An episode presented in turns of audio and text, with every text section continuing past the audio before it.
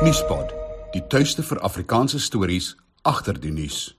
Goeiedag, baie welkom by 'n uh, Nuuspot en uh, Jan de Lange skryf in uh, die afgelope Sondag se rapport die nasionale koalisie ooreenkoms tussen oppositiepartye het verlede Sondag nag amper op die rotse geloop na 'n maand van intensiewe onderhandelinge omdat geen eensstemmigheid tussen die DA en Action SA bereik kon word oor die burgemeesterskomitee van Johannesburg nie, maar die naalskraapse oorwinning van die Nederlander Max Verstappen oor Lewis Hamilton in die laaste Formule 1 ren van die seisoen vroeër daardie middag het Corneille Mulder, 'n Formule 1 entoesias en voorsitter van die tegniese subkomitee wat die poste in koalisie regering se finaliseer het, laat deurdruk om 'n oplossing te vind. En hier by ons in die Nuuspot ateljee is eh, Corneille Mulder homself uh, om so 'n bietjie meer vir ons te vertel. Hallo Corneille. Goeiemôre en dankie Isak, dankie vir die geleentheid. Baie welkom hier by ons in Nuuspot. Is lekker om weer 'n slag met jou te gesels en ehm uh, en die, en die lekker om met jou te gesels is om met 'n ou so 'n bietjie uh meer van die agtergrond politiek te weet te kan kom. Ehm uh, ek sien nou vir die ouens so want eh uh, Corneille uh, is die ou wat uh, wat baie baie betrokke is en die ouens wat nou goed weet van politiek sou weet dit Corneille op 'n ten nouste in die agtergrond betrokke is en baie van die goed wat gebeur uh is sy hand aan te sien en daarom is dit lekker om met hom te gesels. Corneille, ehm um, dis 'n drama wat ons almal nie van weet nie. Uh want ons sien nou net die resultate daarvan.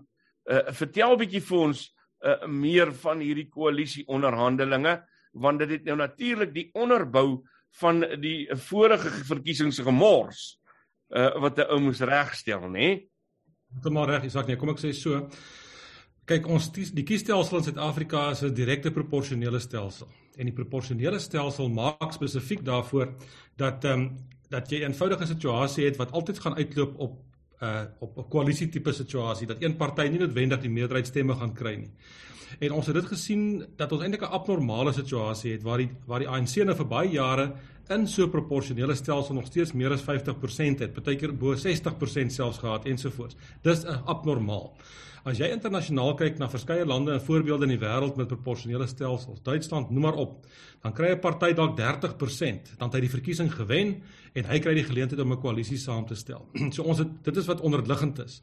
En jy's reg, toe kom ons in 2016 en daar is toe 'n paar stede waar die ANC nie 50% gehaal het nie en daar kom toe koalisies tot stand. Maar die probleem was wat my betref was dit nie sinvolle koalisies nie om verskeie redes. Die meeste van hulle was wat ek noem minderheidskoalisies, beide in Tshwane, Pretoria en in Johannesburg en in Nelson Mandela Bay was minderheidskoalisies wat dit is 'n samewerking van partye maar hy kan nog steeds nie regtig regeer nie want hy's afhanklik van steun van ander partye om enige besluit deurgevoer te kry en is eintlik 'n gestrompel van vergadering tot vergadering. Die tweede rede was die klem was totaal verkeerd geweest. Daar was 'n persepsie by sekeres dat 'n koalisie beteken ek wil graag alleen regeer. Ek kan nie alleen regeer nie. Ek kort 'n paar stemme.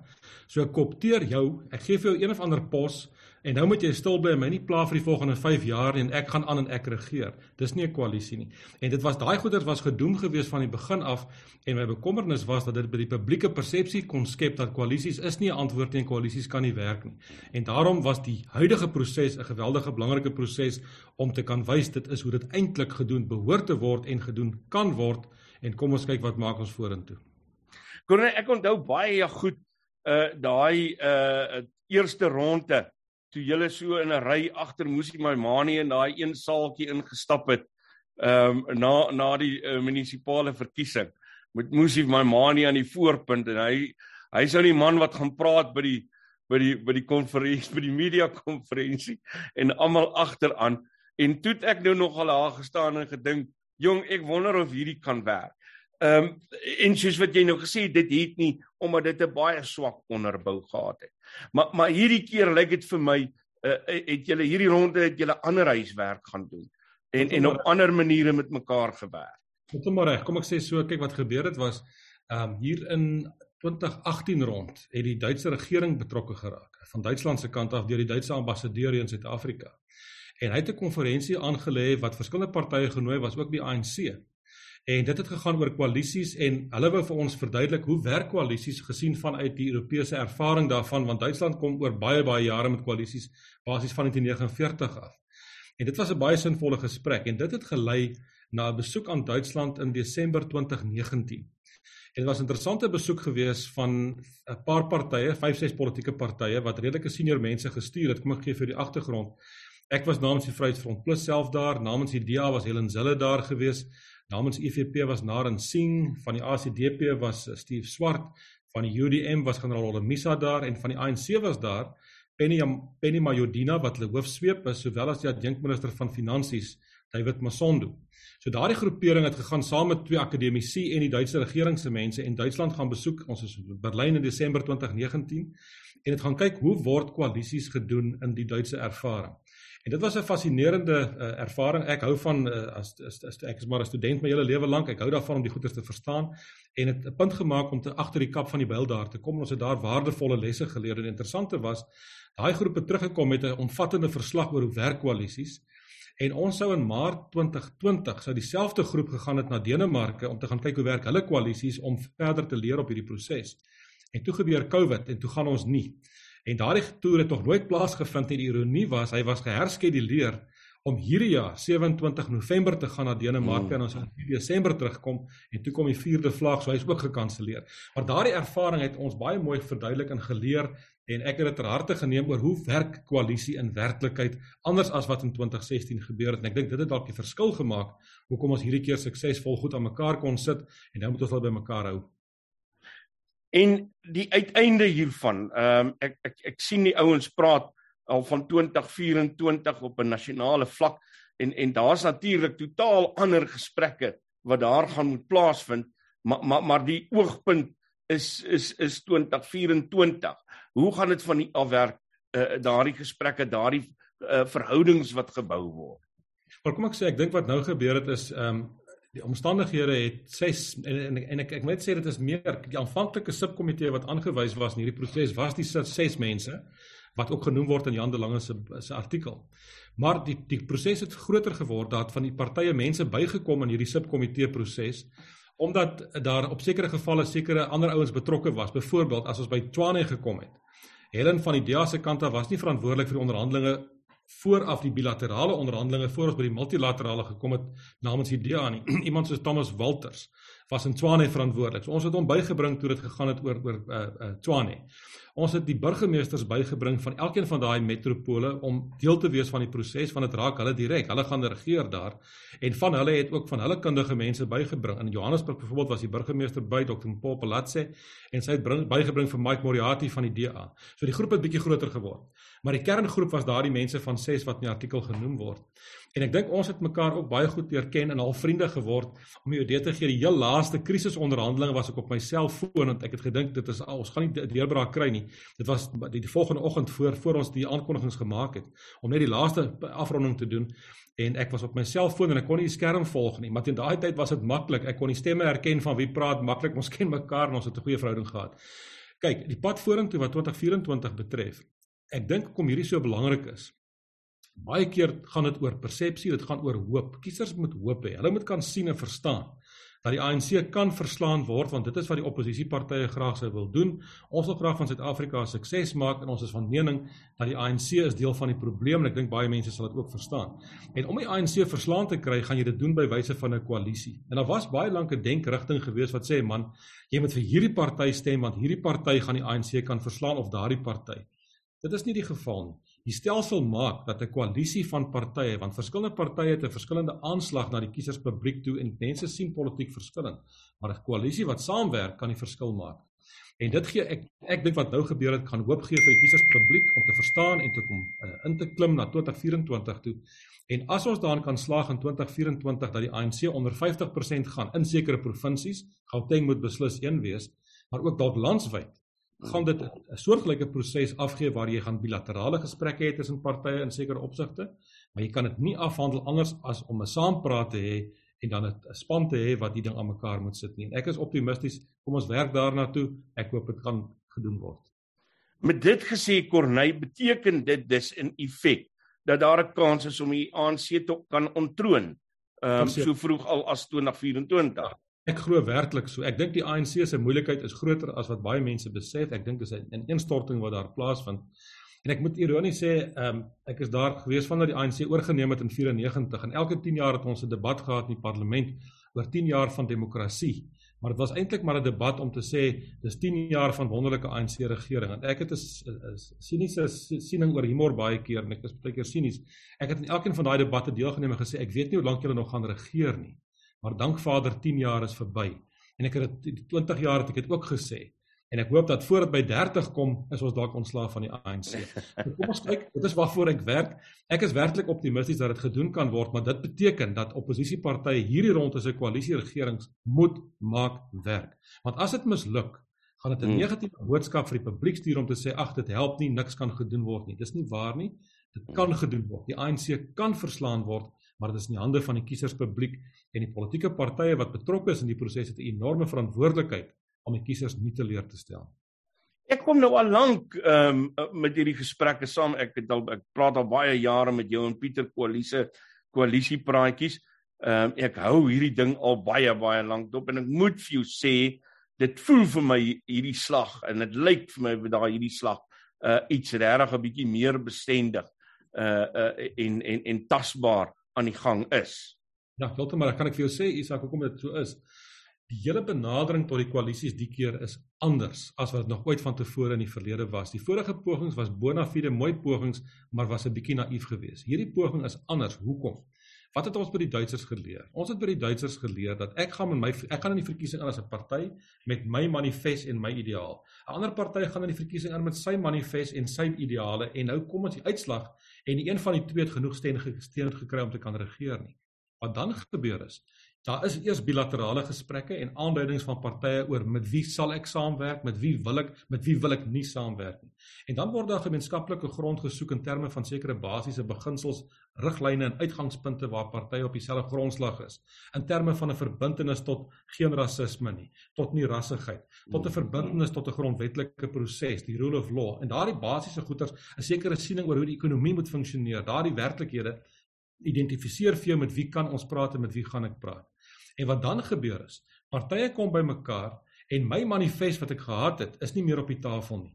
En jou manifest in die verkiesing is ook nie meer op die tafel nie. Nou onderhandel ons saam 'n gesamentlike nuwe gemeenskaplike verkiesingsalliansie koalisie manifest. En in daardie manifest, die ideaal is dit moenie 'n afwatering wees van al my punte en die afwatering van al jou punte nie. Nee, daar's sekere punte wat vir jou verskriklik belangrik is. Daar's sekere punte wat vir my verskriklik belangrik is. En dit word gesamentlik opgeneem in 'n koalisie manifest. En as ons mekaar kan vind, dan onderteken ons daardie kontrak met mekaar en die volgende termyn, 5 jaar, regeer ons nie meer volgens my manifest of jou manifest nie. Ons regeer gesamentlik rondom hierdie ooreengekome nuwe koalisie manifest. Ons is ingebind daaroor. En dan is daar allerlei meganismes om dit te maak werk. Daar moet erkenning wees na al die koalisievennote toe dat elkeen kan uitgaan as sy ondersteuners toe en sê ek het hierdie saak reg gekry wat vir my gemeenskap baie belangrik is of vir my ondersteuners basis. En jy daai reg gekry vir jou en ons gee vir mekaar die ruimte. Een van die heel basiese dinge, artikel 1.1 van daardie koalisie ooreenkoms sê Nooit weer kan daar verwys word na so 'n so geleide koalisie nie. Niemand lei niemand hier nie. Ons is koalisievennote op 'n gelyke vlak en hulle word na buite gekommunikeer as die veelparty koalisie regering. En dit is 'n baie basiese ding dat partye moet gemaklik voel daar rondom. So ons het verskeie van daai eh, vertrekpunte as uitgangspunte gehad en daar rondom gebou. En weet jy wat? Heel aan die einde, dit is waar die artikel oor gaan wat die struikelblokke was. Heel aan die einde kom die implementering daarvan in terme van prakties wie beklee watter pos en watter posisie. Dit is heel aan die einde. Dit is nie die vertrekpunt nie. Dit is net die inklee van die ooreenkoms en dit was die laaste fase wat ons moes afhandel. Corneille, mens sou nou dink dat 'n uh, eh, politici veronderstel is om dit te kan regkry om al hulle egos in hulle agtersak te druk en uh en uh, hierdie ding nou uh, te, ter wille van die kiezer aan te pak en so. Maar nou sien mense in die praktyk dit werk nie altyd so nie. Daar kom tog nou maar nog steeds persoonlike goed. Uh jy was uh, onlangs die onderwerp van uh so 'n bietjie van 'n persoonlike aanval in terme van Afrikaans tussen julle en die DA en en daai goedjies moet tog ehm um, uh, so 'n bietjie van 'n wederstrewigheid meebring. Hoe werk 'n mens om dit wanneer jy met so iets so belangrik soos 'n koalisie werk? Seker, as ek agtertrand kan sê. een van daai manne wat wat daar met my wou stoei, sal daar uit sy dalk onthou het gesê, ehm um, ek moet dalk nou uittreë, ek het my laf my my rak leeftyd het verstryk en so aan. Nou ek dink ehm um, ek dink hy moet maar kennis neem van wat tans aangaan. Ek dink nie dit werk so nie. Nee, kom ek sê moet groter wees as jouself, as jou as as jou eie ego. Dit kan nooit vooropkom nie. Ehm um, jy moet staan in werk vir 'n gedagte of vir 'n ideaal en dan moet die party en jouself met jouself daar ondergeskik stel aan 'n groter proses. Kom ek noem 'n ander voorbeeld. Die twee hoofspelers in hierdie koalisies wat nou tot stand gekom het spesifiek in 3 van die metro's. Onthou nou, die koalisie ooreenkomste handel met 22 verskillende munisipaliteite reg oor Suid-Afrika. Maar die fokus op 'n baie groot mate op die drie groot metropole van Gauteng, want dit is wesentlik belangrik. Tshwane, Johannesburg en Ekurhuleni. Dit is absoluut essensieel. Nou in daai drie groot koalisies speel Action SA as 'n party 'n baie prominente groot rol saam met die DA. In daai koalisie spesifiek is hulle twee wat my betref die twee ankerpartye wat die ding moet maak laat werk en ander partye kom by om die ding te stabiliseer. Nou moet mens net 'n gedagte hou dat 'n groot komponent van Action SA is mense wat in die DA se party caucus was nie te lank gelede nie. Hulle kom uit dieselfde party uit. Herman Mashaba was die DA burgemeester in Johannesburg. En nou is hulle weg van mekaar af om watter redes ook al. Hulle is in twee verskillende partye en ek wil nie die woord broedertwis gebruik nie, maar daar's baie gevoelens oh. tussen twee komponente. Maar ek moet sê aan die einde van die dag was almal grootmoedig geweest om dit agter hulle te plaas en te sê dit help nie om nou mekaar te verwyd en jy daai tyd dit gedoen en jy dit gesê nie. Jy moet groter wees en verby dit kyk want die publiek verwag dit van jou. Corneil, vandat ek ehm um, politiek begin verstaan het. Ek, ek het dit nou-nou ook genoem, weet ek dat uh, dat jy en en en Pieter toe hy nou nog uh, in die Vryheidsfront plus uh, aktief was, het, het koalisies gepraat. Ehm uh, dis dis 'n uh, dis al eintlik 'n profetiese visioen wat julle daai tyd gehad het. Baie mense het dit afgelaag. Ehm um, en en gesê dis onmoontlik. En en vandag hier sit ons Ons praat oor die werklikheid van koalisies en en en die moontlike werklikheid daarvan dat die ANC uit die kussings gelig kan word deur koalisies. Uh dis dit was alles deel van die manier hoe julle politiek gedink het oor die jare. Absoluut. Uh, ek moet vir jou sê en uh, jy praat van my en Pieter, ek dink ons het 'n voordeel en 'n groot voorreg gehad daar onthou een ding. Ons het groot geword in 'n politieke huis. Die jaar wat ek gebore is, is my pa verkies tot die parlement. My hele bestaan is politiek geweest. In ons huis het ons nie gepraat oor rugby of die weer nie, daar word gepraat politiek oggend, middag en aand. En toe het ek en Pieter die voordeel gehad wat ons loopbane betref. Ons het altyd anders onsself professioneel gekwalifiseer. Maar toe land ons saam in die politiek en ironie is, ons het 3 weke na mekaar daar gekom in 1988 en jou sitplek in die parlement word bepaal in terme van jou senioriteit wanneer jy daar gekom het. So vir byna 30 jaar het ons twee as broers langs mekaar gesit in die parlement wat 'n uh, baie positiewe effek het in terme van mekaar uh, ver, verryk in wat ons doen. Hy beweeg in sekere kringe, ek beweeg in ander kringe wat gehelp het. En ons het baie met mekaar gestoei oor hierdie goeters en gesê as jy na die politieke stelsel kyk, die antwoord gaan lê in terme van koalisies waar een nie een enkele party gaan gaan die ANC ooit verslaan nie. Ons land is te divers. Gaan kyk na ons parlement. Ehm um, daar was 48 partye op die nasionale stembrief in 2019. 14 het dit gemaak tot in die part, in die parlement. Dis die werklikheid. Die kiesstelsel sal altyd maak dat jy 'n veelvoud van politieke partye het. En dan word dit 'n eenvoudige wiskundige som. Om te regeer moet jy 50% hê. En die ANC moet vir homself vra, hy's in 'n afwaartse traject om verskeie redes en ek kan nie sien dat dit met hom gaan beter gaan om watter rede nie. En die onderliggende ding wat vir my verskriklik belangrik was, juis met hierdie metro's en Ekurhuleni en Tshwane en Johannesburg is die volgende. Ek woon in die Wes-Kaap al vir baie jare. En ek het daar gesien wat het gebeur met die ANC toe hy die mag verloor het in 2006 in Kaapstad se metropool toe daar 'n koalisie oorgeneem het, 'n baie primitiewe eerste koalisietjie wat oorgeneem het om die ANC uit te kry vir 'n tyd. Die oomblik wat die ANC die mag verloor het, het hy begin kwyn en hy het in die Wes-Kaap gaan kyk die uitslae, hy vorder agteruit, agteruit, agteruit. Ek dink hy's nou onder 20% wat sy steun betref in die Kaapstadse metropool. Hoekom? Omdat daar lyk my geen ideaal is nie. Daar's geen visie waarheen daai party werk nie. Daar's ander goed wat lyk my hom bymekaar hou. En die oomblik as hy nie mag het nie, is hy in die moeilikheid en hy kwyn weg. Daarom is dit essensieel geweest dat ons dieselfde reg kry met die drie metro's in in Gauteng. Ons het 'n verstedelikte kieserskort tot 'n groot mate en ek voorsien dat dit 'n effek gaan hê in 2024. En dit sou absoluut fataal gewees het as oppositiepartye mekaar nou nie kon vind om watter rede ook al nie, het toegelaat dat die mag teruggegee is aan die ANC vir nog 5 jaar van hulle manier van doen. So dit is hoe die ding gewerk het en eerlikwaar sê ek en Pieter het 'n lang tyd gestoei oor die goeie saam, maar dit is 'n inkyk in wat die proses moontlik kon maak en ons is nou op daai punt. Kom ons praat net gou oor oor oor die verskil tussen uh koalisies op 'n nasionale vlak en dit wat op die oomblik 'n uh, beding is.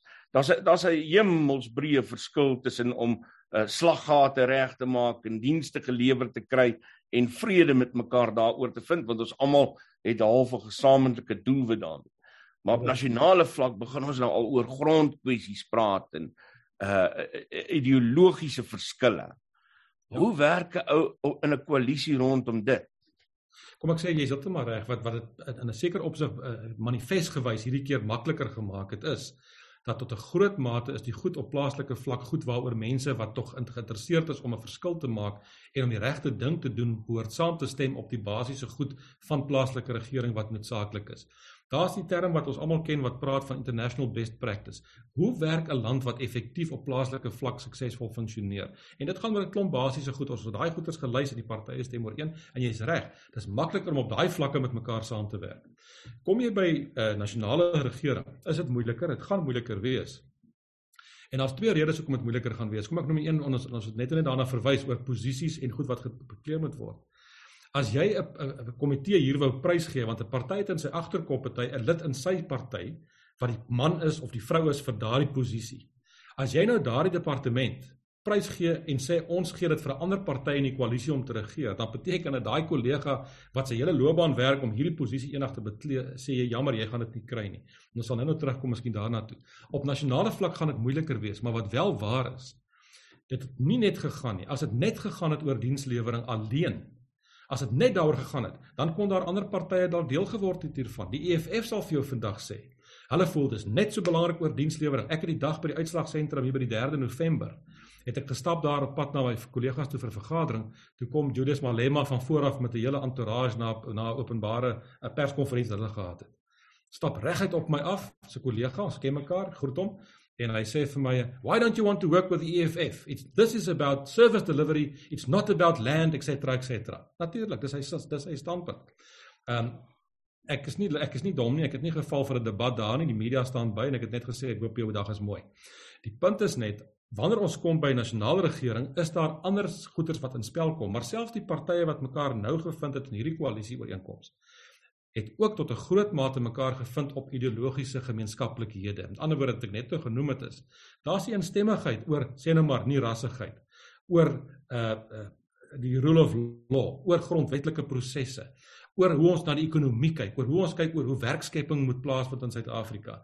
En ek dink wat 'n gemeenskaplike ding gaan wees as ons kom by 2024 en ons het die ANC onder 50%, gaan die groot wekroep wees Wat moet ons doen om hierdie land om te draai en 'n sukses daarvan te maak? En dit gaan weer vereistes stel aan partye om na die partytjie toe te kom en die groter prentjie te sien. En dan moet ons weer gaan kyk en ek sal argumenteer vir ons het oral hierdie lang tabelle en lyste van partye in die van lande in die wêreld oor sukses. Hierdie land is die beste vir belegging, hierdie land is die beste vir dit. International best practice. Ons moet maar voor die tyd begin gaan kyk. Wat doen lande wat presteer in die wêreld? Dis nie te moeilik nie en dat mense daardie goeders inbring en inbou in 2024 om van die land 'n sukses te maak. Die potensiaal is daar.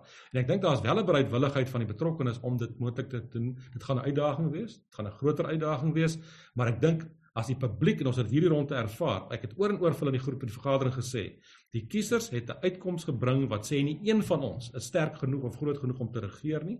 Hulle het hulle keuses gemaak. Die verpligting is op ons as 'n groep nou om dit te maak werk en ek voorsien dit gaan in 2024 gebeur.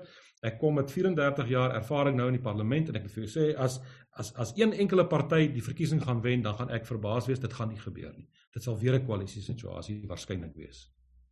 En uh wie dink jy sal dan as die president uit daardie koalisie uitstap? ons kan ons kan ook daaruit leer uit die buiteland uit, nê. Nee. Ek dink daar's 'n les te leer daaruit. En eerlikwaar te sê daar's 'n goeie les te leer daaruit. As jy vir iemand sou vra wie's die eerste minister van Israel ag van van Engeland, dan gaan hy onmiddellik vir jou sê Boris Johnson. Of hmm. tot onlangs sal hy vir jou gesê Duitsland se kanselier Angela Merkel. En dan vra ek vir jou, wie's die president of die eerste minister van Switserland? Niemand weet. Niemand weet. Hoekom weet hulle nie? Want Switserland werk op 'n rotasiebasis tussen 3-4 individue wat die presidentskap beklee en hulle verteenwoordig verskillende komponente en gemeenskappe en partye en hulle vind mekaar dis 'n absolute mooi voorbeeld. Ek dink dalk is ons op 'n punt dat mense dalk selfs dan so 'n model sal moet gaan kyk in terme van 'n ooreenkoms. Daar's niks wat jou verbied om dit so te doen nie. Al sê die grondwet sekere bepalinge, dis 'n opsie. Want mense sal moet gaan kyk hoe jy dit basies hanteer en dit is wat my betref dis toekomsmusiek vir 2 en 'n half jaar. Ehm um, maar ek is seker die partye sal ook met mekaar kyk en ooreenkom hoe ons dit kan hanteer. Corneil Mulder, uh baie baie dankie vir jou tyd vanoggend. Dit was baie lekker om met jou te gesels. Sterkte. Ek waardeer dit Isak, baie dankie vir die geleentheid. Dit is regtig 'n voorreg altyd. Ons praat altyd graag saam en uh, dit is my wonderlik. Ek het een voorreg. Ehm um, politiek was my belangstelling in my stokperdjie van as 'n kind omdat ek so groot geword het. My pa het ons baie mooi geleer gesê jy kan nie sê jy gaan politiek doen nie. Die politiek sal jou vind of as jy jou nie vind nie, gaan kwalifiseer jou vir jou werk. Ek het gaan regte studeer, ek is 'n prokureur maar ek het die voorreg gehad om my stokperdjie my loopbaan te maak en dit is dit maak 'n mens gelukkig en jy maak dalk 'n verskil en dis 'n voorreg. Baie dankie vir die gesprek. Verkeersboetes behels meer as 'n klein ongerief met minimale gevolge. Jy kan 'n kriminele rekord kry of probleme teekom as jy jou rybewys of motorlisensie hernie en die metropolisie kan jou by padplekades lastigval om die boetes te betaal. Fines for you vir minder moeite met verkeersboetes deur hul te monitor en vinnig, wettelik en effektief af te handel sodat jy nie die ongewenste gevolge hoef te dra nie. Ons spesialiseer in groot vlote en streef daarna om jou geld te bespaar. Kontak ons gerus op 011 867 7331 of besoek ons webtuiste by www.finesforyou.co.za.